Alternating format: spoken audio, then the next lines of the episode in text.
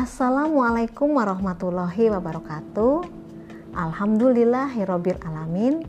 Wabihi nasta'in ala umuri dunia waddin. Wassalatu wassalamu ala asrofil anbiya'i wal mursalin wa ala alihi wassobihi ajmain amma ba'du Bapak dan Ibu guru, staf karyawan, keluarga besar SMA Negeri 1 Kutasari yang senantiasa dirahmati Allah. Alhamdulillahirabbil alamin. Puji syukur senantiasa kita panjatkan kepada Allah Subhanahu wa taala atas segala rahmat dan nikmat yang telah diberikan kepada kita. Terima kasih Bapak Ibu sudah mengadakan kegiatan positif ini sebagai ajang belajar bersama dan meningkatkan ketakwaan kita kepada Allah Subhanahu wa taala terutama untuk diri saya. Pada malam Jumat yang penuh berkah ini adalah jadwal tugas saya dan saya berusaha melaksanakan semampu saya, nggih. Tema hari ini adalah Memaafkan adalah kemenangan terbaik.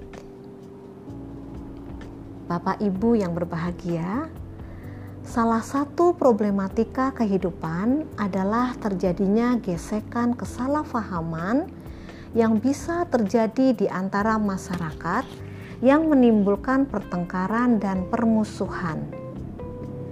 Berkaitan dengan hal ini, Allah mengajarkan kepada umat manusia untuk saling memaafkan jika terjadi kekeliruan dan salah cara pandang. Memaafkan adalah hal yang terkadang sulit untuk dilakukan oleh seseorang. Untuk bisa memaafkan orang lain, seseorang bahkan bisa melalui proses yang panjang.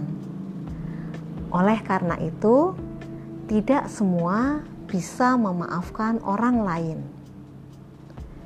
Sikap pemaaf harus dimiliki umat Islam yang secara tegas terdapat dalam firman Allah Subhanahu wa taala dalam surat Al-A'raf ayat 199 yang artinya jadilah pemaaf dan suruhlah orang mengerjakan yang ma'ruf serta jangan pedulikan orang-orang yang bodoh. Yang dimaksud dengan jangan pedulikan adalah jangan berdebat dengan orang yang bodoh. Allah Subhanahu wa taala juga telah berfirman dalam Quran surat Al-Baqarah ayat 237 yang artinya dan memberi maaf atas kesalahan orang lain lebih dekat dengan takwa. Orang yang takwa lembut hatinya untuk memaafkan orang lain. Maka derajat orang yang memaafkan adalah dekat dengan ketakwaan. Menurut Ali bin Abi Thalib, memaafkan adalah kemenangan yang terbaik. Setiap orang yang mampu memaafkan orang lain akan meraih tiga kemenangan.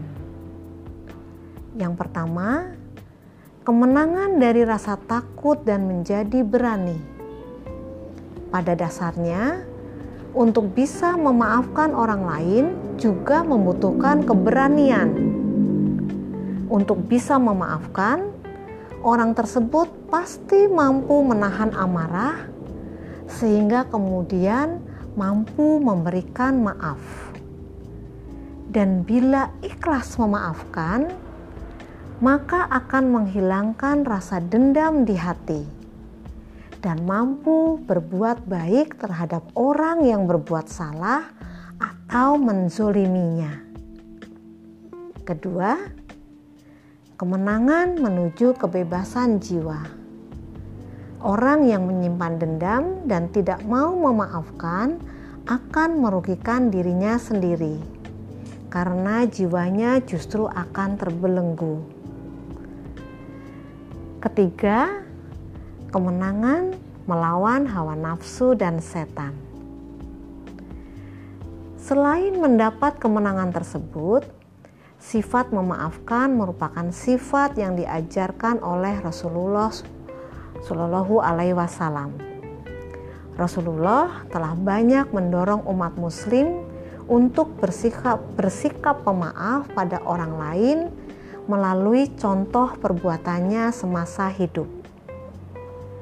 Tidak hanya itu, Allah juga mencintai orang yang berbuat baik termasuk memaafkan kesalahan orang lain. Seperti firmannya dalam Quran Surat Ali Imran ayat 134 yang artinya yaitu orang yang berinfak baik di waktu lapang maupun sempit dan orang-orang yang menahan amarahnya dan memaafkan kesalahan orang lain dan Allah mencintai orang yang berbuat kebaikan. Itulah alasan mengapa memaafkan adalah kemenangan terbaik. Semoga dengan mengetahui ini, kita semua prioritas untuk diri saya sendiri bisa lebih mudah memaafkan orang lain dan menjadikan hati kita menjadi lebih damai dan bahagia. Bapak Ibu, keluarga besar SMA Negeri 1 Kutasari yang selalu dirahmati Allah, demikian yang dapat saya sampaikan. Mohon maaf atas keterbatasan ilmu agama saya. Bila ada manfaatnya, mari kita petik bersama Bila ada yang tidak bermanfaat, mohon abaikan dan maafkan saya. Selamat malam, salam sehat dan bahagia selalu. Wassalamualaikum warahmatullahi wabarakatuh.